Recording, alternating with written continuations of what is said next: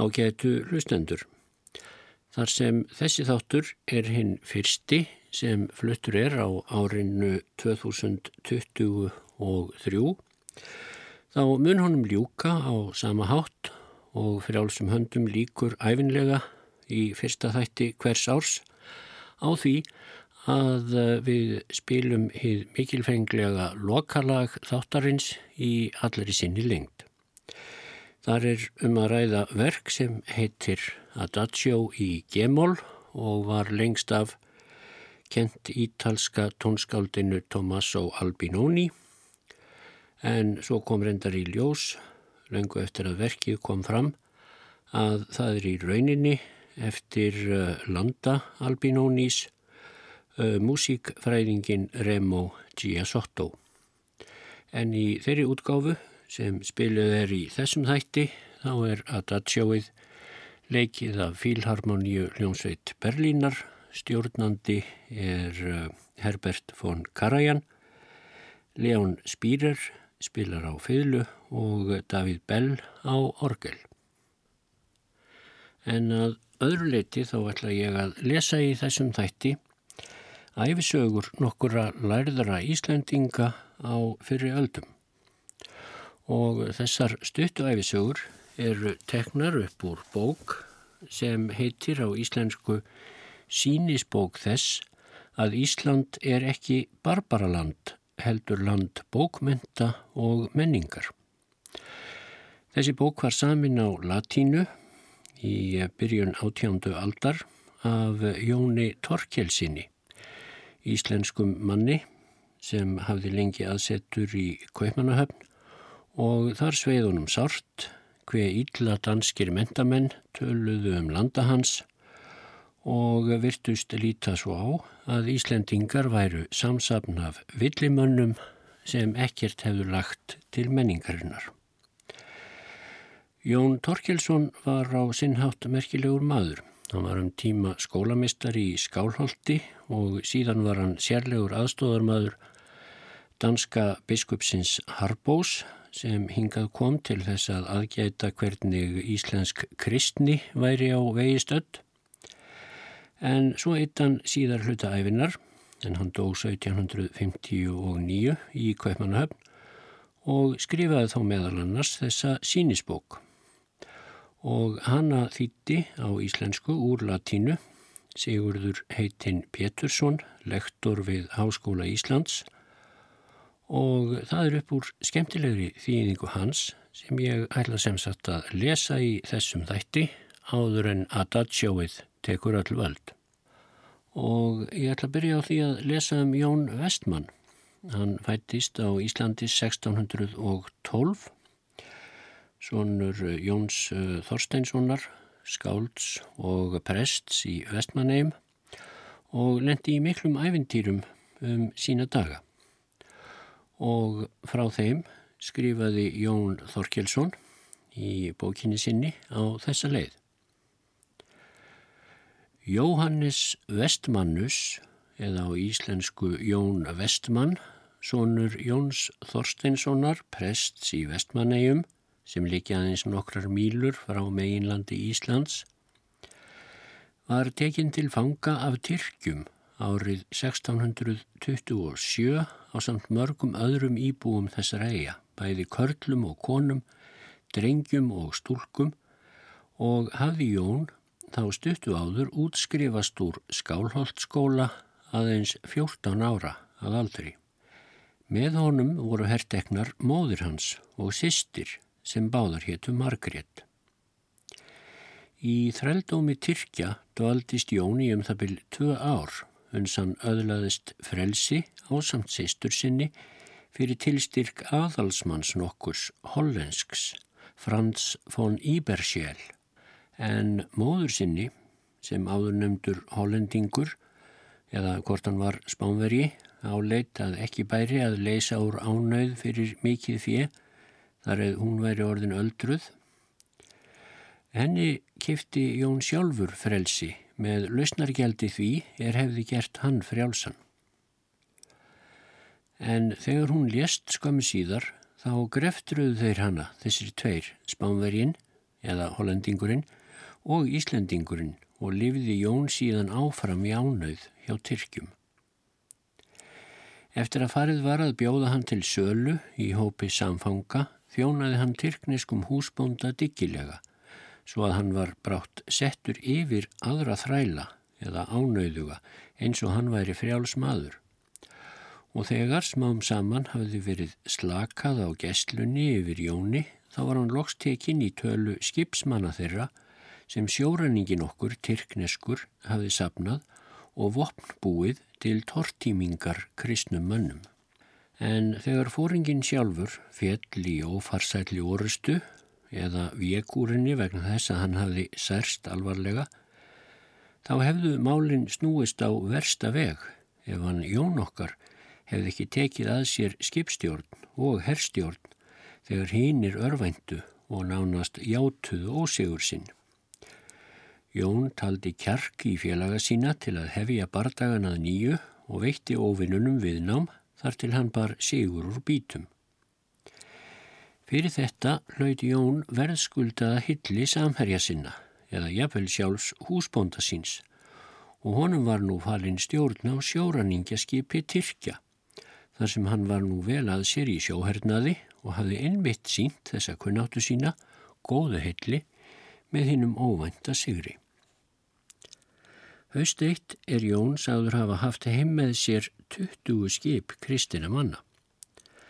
Eitt kvöldið bar þá svo við að kristnir sjómenn sem bersinilega höfðu allir stundað sjórán gegn kristnumannum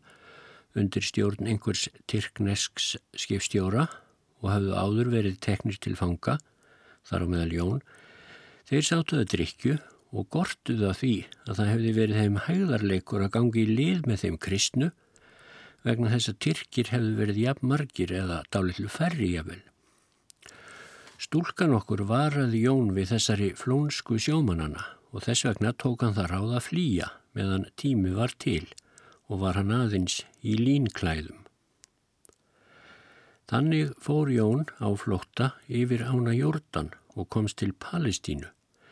en sjómennir hinnir tóku út refsingu fyrir málgefni sína með því að vera hengtir snemma morguns næsta dag. En þegar fréttist hvar Jón dvaldist þá sendur Tyrkir sendibóða til hans eða bref og báru á hann að hann hefði svikist undan skildu sinni en hann vísaði því algjörlega á bug og neytaðast nú aftur til Tyrkja nema þeir ábyrðust að hann er ekki látin sæta refsingu sem hann ótaðist þar sem hann var grunnaður um sveik. Tyrkir sefuðu þá óta Jóns við refsingu með því að heita honum sakarupgjöf. Snýri Jón þá aftur, hann var að nýju gerður skipstjóri á sjóraningjaskipi frá Tyrkjum og vann ötullega við það um nokkura ára bil. En þá leist honum saman við möldubúa í orustu sem líktaði ófarsællega fyrir hann var Jón Sigraður á samt tíu öðrum liðsforingjum og eins og þeir dæmdur til að vera brendur á báli. Þessa refsingu hefði Jón einnig tekið út ef honum hefði ekki verið bjargað frá bálinu og logum döðans að ósk spánverja nokkurs sem hafði fengið heimild til þessa líta á fangana og eh, bað Jón í greiða en hinnir voru gefnir döða sínum og logunum á vald þar að spánvergin vildi ekki kaupa þá lausa, þótt uh, möldubúar gefu hún meðni kost á því að leysa þá út. Því held Jón nú til spánar með bjargvætti sínum, lifði þar lengi og vel og náði hilli sendiherran okkurs að sagt er með kunnáttu sinni í skák eða ræningjaleik, ekki er vitað hvort heldur var. Dagnokkurn vildi svo til að spámeri þessi sá að Jón var að gera uppdrátt af vikirðingum og legu borgarinnar samkvæmt reglum flattarmálsfræðinar eða stöðum sem mátti vikirða og þegar Jón var þess var að húsbóndi hans æstist nokkuð við þetta eða reyttist þá lagði Jón strax á flótta og namn nú ekki staðar fyrir hann var komin til Hollands. Og þar heiti Jón fyrir sinn gamla kunningja, Frans von Ibersjál, sem hafi gengið að eiga sístur Jóns, enda þótt hann hefði nú yfirgefið hann að reyndar og ætlaði að velja sér aðra eiginkonu. Þegar Jón frétti þetta stemdi hann Frans og bar fram ákæru fyrir hönd sístur sinnar, hinnar yfirgefnu eiginkonu og taldi að ekki hefði verið nægilega fyrir henni séð með jarðegn nokkuri sem eigin maðurinn sem var að skilja við hana hafði látið henni í tíu til viðurværis.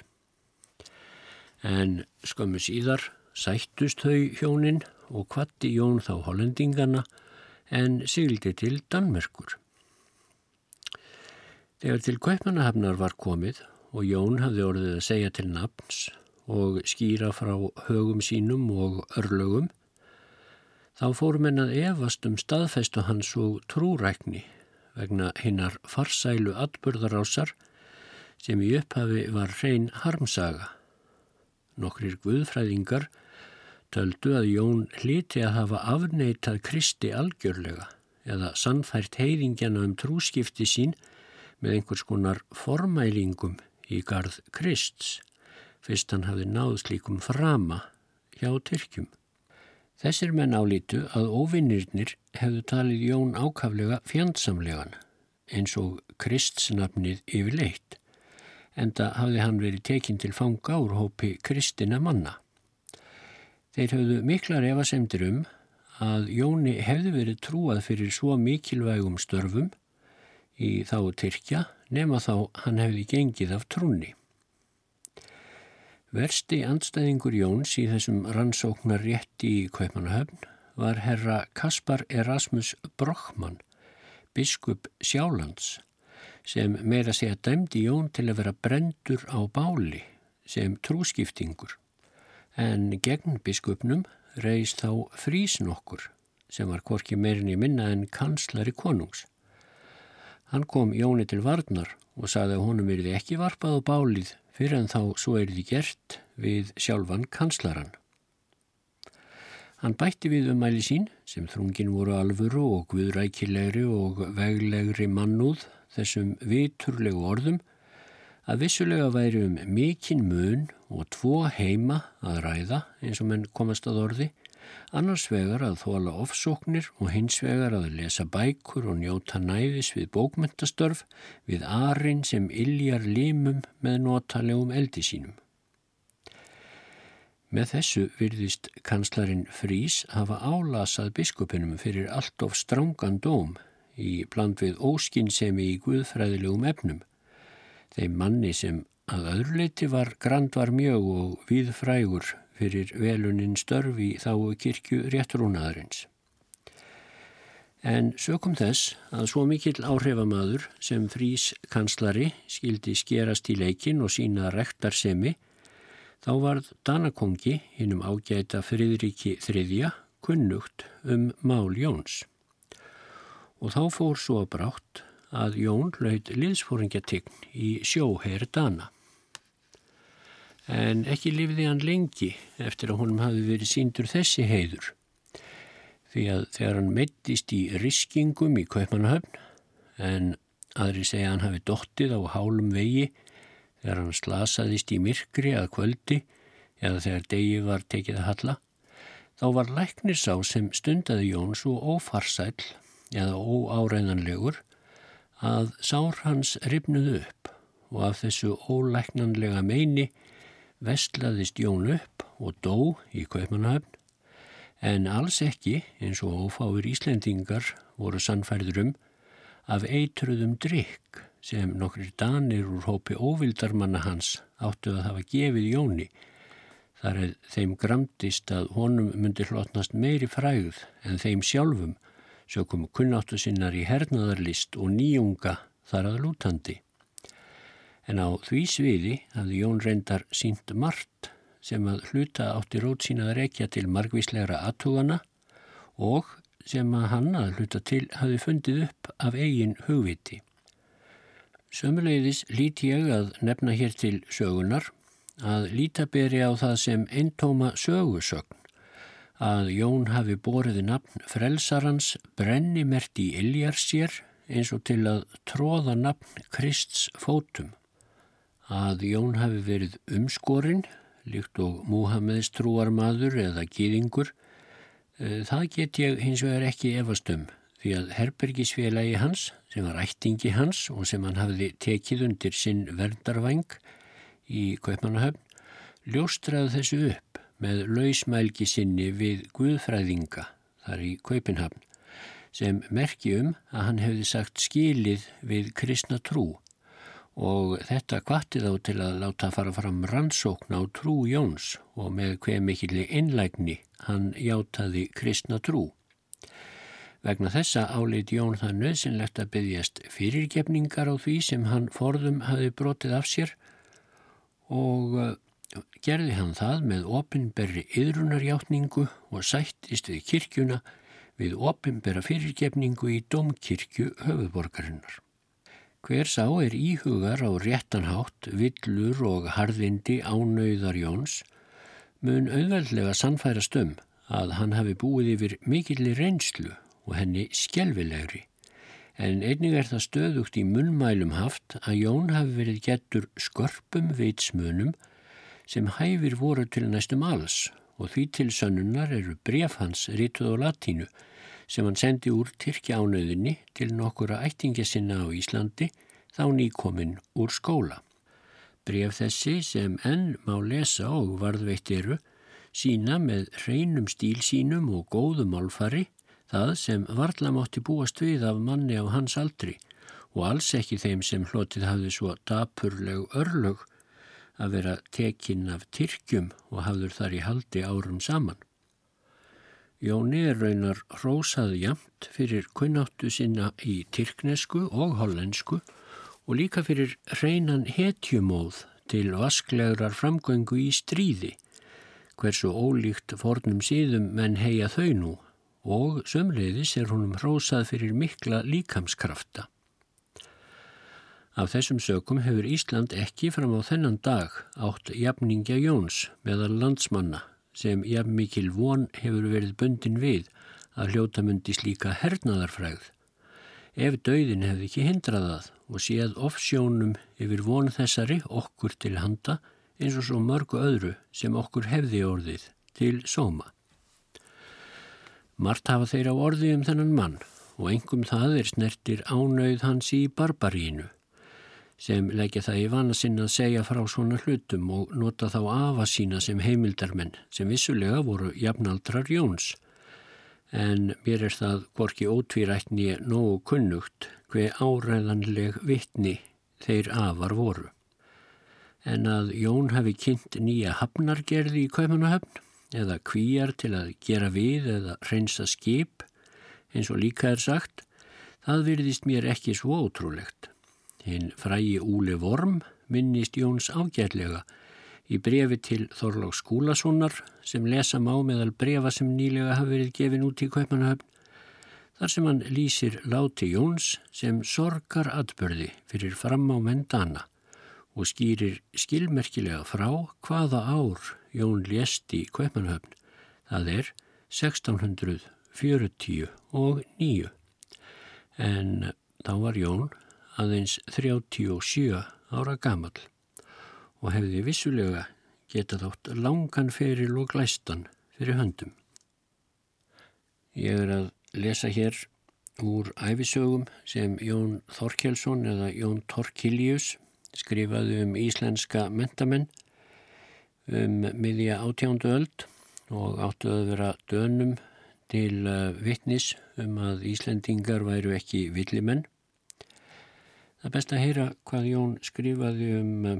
Sæmund Fróða.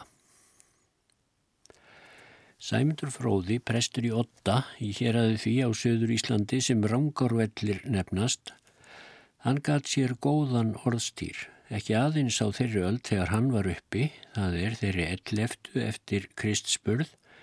heldur einni á næstu öldum þar á eftir.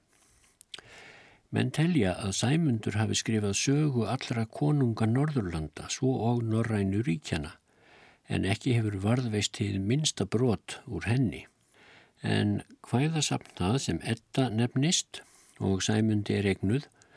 Hún er aðeins sögð vera hans verk vegna ágískana meistara Brynjól Sveinssonar biskups og setni tíma manna, vegna hinnar miklu skáldskapargáfu sem etta ber vott um. En ekkert höfum við hins vegar úr fornum heimildum sem við gætum notað til sönnunar þess hvort sæmundur ritaði ettu eða ekki.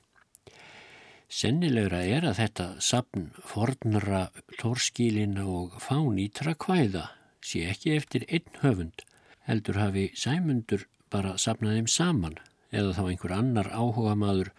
um þess áttar goðfræðilegan þvætting. Noregs konungatal höfum við hins vegar í bundnumáli en á títilblaði er að finna nafn Sæmundur Fróða.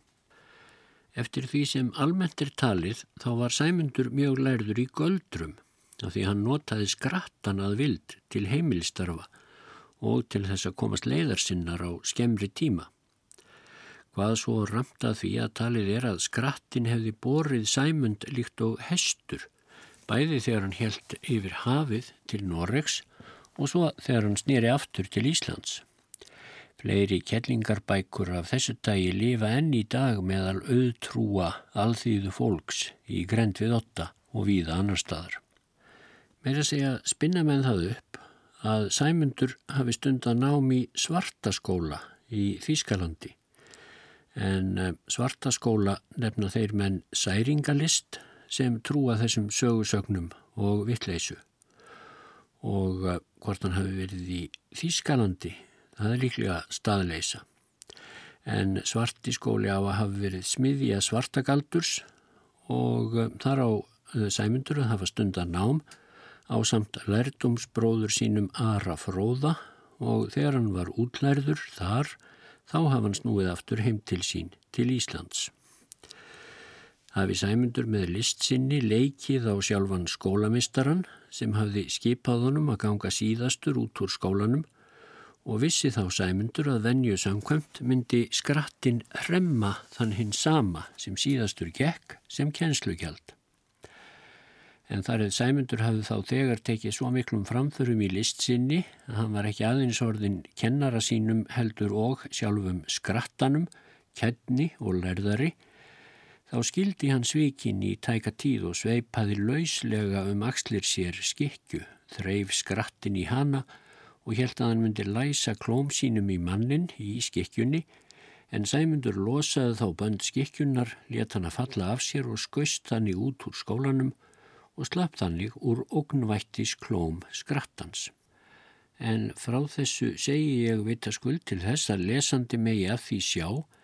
að menn sem voru dálitlu lærðari en ómentaður almúgin, þeir þóldu á þeim tíma sama hlutskipti á Íslandi og menn sem skörðu fram úr öðrum að lærdómi urðu að þóla annar staðar. Þeir voru einat grunaður um svartagaldur, þóttu mjög svo óverð skuldað væri. Einn var sámaður sem var einna lítríkastur á Íslandi á fyrir öldum en hefur fallið nokkuð ofærið skuldað í gleimsku og dá. Hann hétt Egert Hannesson var raunar norskur að uh, föðurætt en frá honum segir Jón Þorkjelsson í heilungumáli á þessa leið. Hannes Egertsson sem var norskur að þjóðurni og gengdi ennbætti hyrðstjóra á Íslandi um tíma, hann jók ekki aðeins tölu tíinamanna á eigu þessari, heldur varpaði hann og ljóma á þá með því að rækja ennbættist sitt er hann hafið þegið af konungi af skörungskap og með því að standa diggilega vörð um Ísland gegn þjófum og ræningum. Fadir hans, Eggert Eggertsson, var frægur maður í hér aðu því í Noregi sem kallaður Vík eða Bóhúslén Þar var ekkert síslumadur og veitti hinnum ágæta hans danakonungi diggan stöðning í stríði. Fyrir þetta hlaut ekkert rittarnafnbót af konungi árið 1488 og náði aðalstegnin einnig til löglegra erfingja hans, svona, svona, svona og afkomenda eins og aðrir norðmenn af rittarastjett hafa hlotið, eða með öðrum orðum til ævarandi eignar. Skjaldarmerki hlutuður einnig og var það kvítur einhyrningur, hálfur á efri skjaldarhluta og bláum fletti, rétt eins og konungsbrefið sem að þessu lítur sínir þeim sem það lesa. Vitað er að Sónur Eggerts Hannes var umbóðsmaður konungs á Íslandi á árunum 1517 til 1527 og að Hannes lést á Bessastöðum sem nefnist konungsgarður vegna þessa landstjórar konungs sem forðum voru kallaðir hyrðstjórar og þeir sem næstir eru þeim í tign sitja þennan stað í nafni valdsins á meðan þeir stjórna landinu bar andlát Hannesar þannig að að hann hafði með réttu látið taka þjófn okkurn af lífi fyrir að hafa stólið þó nokkru magni af fiski meðan Hannes var á þingi og með því hafði hann rænt úr fjárhyrslu konungs sem átti þetta forðabúr. En þegar Hannes var skömmu síðar skindilega hrifin hérna og brott þá trúði heimsk alþíðan því að þjófurinn gengi aftur og hefði refsað umbóðsmanninum á gagkvæman hátt. Þegar liðin voru allmörg ár og hyrðstjórar hafðu verið sex eins og annálar skýra frá, þá hlaut ekkert, sonur Hannesar, þetta sama ennbætti hyrðstjóra. Honum var umhugaðum tign þá sem afi hans hafði áinnið sér með gjörfileik sínum og tekið í arf eftir sinnföður og komandi kynnslóðir áttu með réttu að erfa. Með dugnaði sínum, sem telja má að ekkert hafi átt að reykja til afasins og föður, en þó mest af eigin ramleik fekk hann nýja staðfestingu konungsbrefsins sem veitt hafði Eggerts niðjum rittara eða aðalstign. Kristján III, hinn göfugi konungur Danmerkur og Noregs, varð við þessari málaleitan Eggerts árið 1551.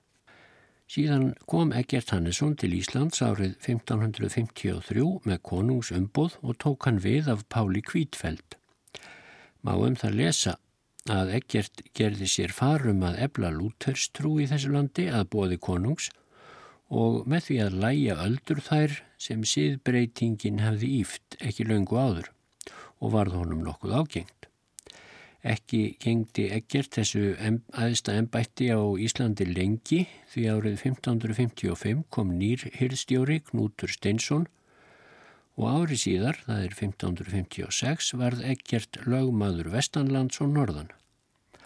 En sumir telja að hann hafi áður verið lögmaður Östur og Suðurlands. Frá því hann fyrst kom í hér að sitt var ekkert með réttu talin í hópi framámanna þar og auðmanna bæði vegna auðsins sem hann hafi tekið í arf og þess sem hann hafi eignast með ríku konfangi sínu á Íslandi en uh, rík konföng voru þá tíðari en nú á dögum. Ekki veriðist mér leika neitt vafi á því að ekkert lögmaður hafi einnig verið síslumadur í Þorskafyrði. Að minnstakostir vitað að hann satt í Haga í Barðaströnd í þó nokkur ár áður en hann kvatti í Ísland. Hafði hann kosið Haga af mörgum jörðum sem hann átti og bjóð þar vissulega þegar fláræði og glæpur útlendinga hafðu nærri grandað honum óvörum. Þessir glæpsamlegu útlendingar hafðu eftirvill í mörg ár kannad vesturströndina og hvort sem þeir voru að veiða skeppnur útafsins, þar að segja kvali á leiðsynni yfir hafið eða stunduð venjulegar fiskveiðar, þá gáttu þeir auðveldlega fregnað hjá íbúum þar í grenda að ekkert væri maður sem bæri af að völdum og auði á Íslandi og byggi ekki fjari sjónum og ættu ræningjar því hægtum vik. Því blasti þar við miklu meiri gróðavon en ef útlendingarnir hefðu ákveðið að ræna heilan landsluta öllum eigum sínum. Þess vegna virtist að líkja beint við þeim að ráðast á haga bústað Eggerts sem var þá algjörlega varnarlaus þar sem Eggert hafði aldrei átt í útistöðum nýja deilum við neina útlendinga og var því ekki var um sig. En þegar ekkert varð var við þetta, datt honum í huga að fela sig heima hjá sér, þar hefði ekki gafst ráðrum til að flýja, en án árangurs, því strax leituðu útlendingarnir að honum og var ekkert dreygin út úr húsi sínu og niður að sjó. Var hann svo tekinn til fanga og neittur til að fara um borði í bát og hópur ílvirkja held honum úti á hennu erlenda skipi sem lág fyrir akkeri skamt undan eða syldi fram og aftur með ströndinni eins og umsátursmenn hafa fyrir vana. stóð svo á að hinnir erlendur ræningar fluttu um borð allan þann ránsfeng sem þeir gáttu náði í þar í grend en mest þó úr húsi Eggerts. En skipstjórin á ræningaskipinu kom ekki sem verst fram við Eggert og þegar honum var gefin kostur á að kaupa sér frelsi með öllu því silfri sem hann átti þá tók hann bóðinu undir eins. Sagt er að Ragnhildur engadóttir Eggerts hafi til þess að kaupa föður sinn lausan úr þessu óvænta hernámi, látið af hendi auk handbærs fjár og silfurmuna, svo mikið af kvennskarti, gert af miklum hagleik úr silfuri og gulli, að nægt hefði til að búa og príða á hinn glæsilegasta hátt og að fornum íslenskum hátíða sið þó nokkrar megar eða frúr á brúköpstegi. Þegar útlendingarnir sáu hvað og hver mikið þeim var fengið í hendur, letu þeir ekkert lausan. Bar hann þetta skindilega áfall og hinn mikla eignamissi af dug eins og hetju sæmir og let engan bilbug á sér finna. Ég minnist þess ekki að hafa lesið að nokkur hafi talið þetta ólán ekkerts ástæðu fyrir því að hann síðar ákvaðað flytjast af landibrott og það reyndar til Hamburger. Frekar má telja að því hafi valdið deilur sem urðu með ekkerti og nokkrum valdamönnum á Íslandi og engum sá grunur er varð ekkert að miklum álitsnekki að honum hefði ekki verið með öllu ókunnugt um ráðagerðir sonar síns, Jóns Murta, um að ráða tignarmann einn af dögum, nýja að það hefði verið honum nokkuð á móti skapi. Þennan mann draf áður nefndur Jón, sonur Eggerts, á hinn svífyrðilegasta hátt og þess vegna flúði hann í tæka tíð til útlanda þar eða sækja átti hann til Saka að bóði lagana. Síðar fór Eggert sjálfur af landibrott þar sem hann vildi fylgja sinn sínum en áður hafði hann selt hinnar miklu eignir sínar sem hann gæti ekki haft með sér. Jarðir sínar let hann í hendur engadóttur sinnar sem keift hefði honum frelsi og syldi síðan til eh, Hamburgar á samt eiginkonu sinni. Þar held hann sig mjög ríkmannlega og nöyti að framt mikillar virðingar. Aðrir segja raunar að Eggert hafi farið einn frá Íslandi og skilið eftir eiginkonu sína. Og uh, hann hafi síðar gengið að eiga aðra konu í Hamburg þótt hann væri þá enn ekki orðin ekkjumadur. Sagt er að hann hafi ótt á hættu að verða stemt þar fyrir rétt, fyrir að heika ekki við að vera kventur tveimur konum samtímis. En ekki var ekkert með öllu áhrifalauðs meðal útlendingana í Hamburg, þótt hann hefði ekki neitt embætti á hendi. Svo bar nefnilega við að ræningar þeir sem hann hafði átt í höggi við á Íslandi voru gripnir í Hamburg. Líklega þegar þeir komu úr nágrannaborg þar sem þeir áttu heima til þess að selja ránsfengsinn íslenskan í Hamburg með meiri hagnaði og eftirvill einnig í örgiskinni. Eggert sem nú var komin til Hamburgar án þess að þessir glæpamenn hefðu um það minsta grun bað yfirvöld borgarinnar um hjálp og að bóði Eggerts voru þeir neftir í fangelsi og síðan steldir að málsaransókn lokinni. Á þennan hátt og með umskiptum sem voru undri líkust náði ekkert nokkurum hluta ránsfengsins aftur. Ræningjarnir neittust til eða voru píndir til þess að benda sjálfur á þá felustæði þar sem þeir höfðu falið gullið og silfrið frá Íslandi er þeir höfðu stólið úr húsi ekkerts svo það sem þeir höfðu fengið í lausnargjald fyrir hann.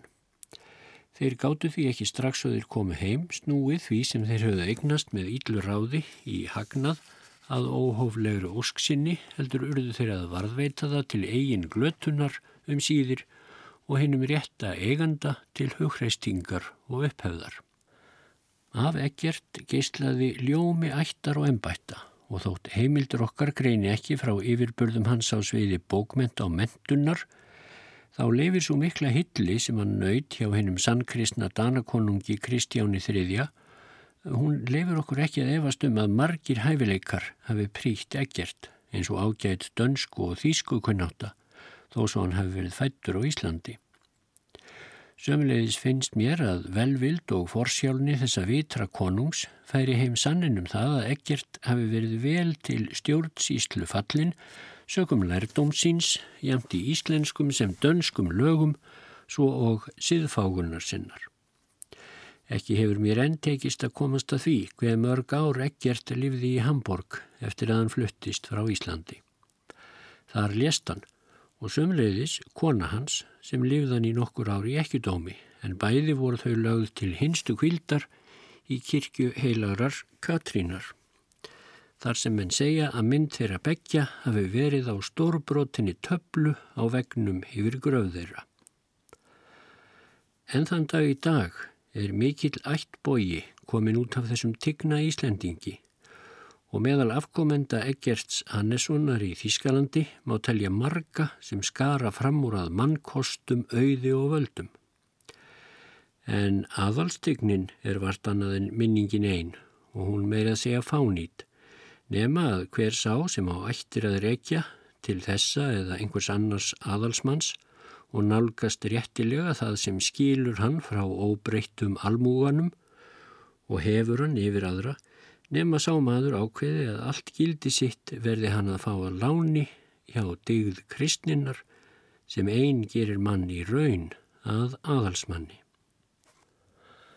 Það má svo geta þess að lokum að þau ónót í garð alþýðunar sem eh, Jón skrifaði í kabla sínum um Egert Hannesson Þau koma víða fram í þessari bókans. Fyrirlitning hans á alþjóðu fólki verðist vera skýr og Jón deildi því sjálfsagt með mentamönnum um sína daga. Það má nefna af handahófi það sem Jón Þorkelsson skrifar um nafna sinn Jón Daðarsson í Arnarbæli en að Jón hafi verið talinn galdramadur, skrifar Jón Þorkelsson, má rekja til ómentaðrar og illgjarnrar alþýðu að því hann gerði það af hyggjuviti sínu og visku sem vitgrannir alþýðumenn telja gernan til listar og verka myrkrahöðingjans.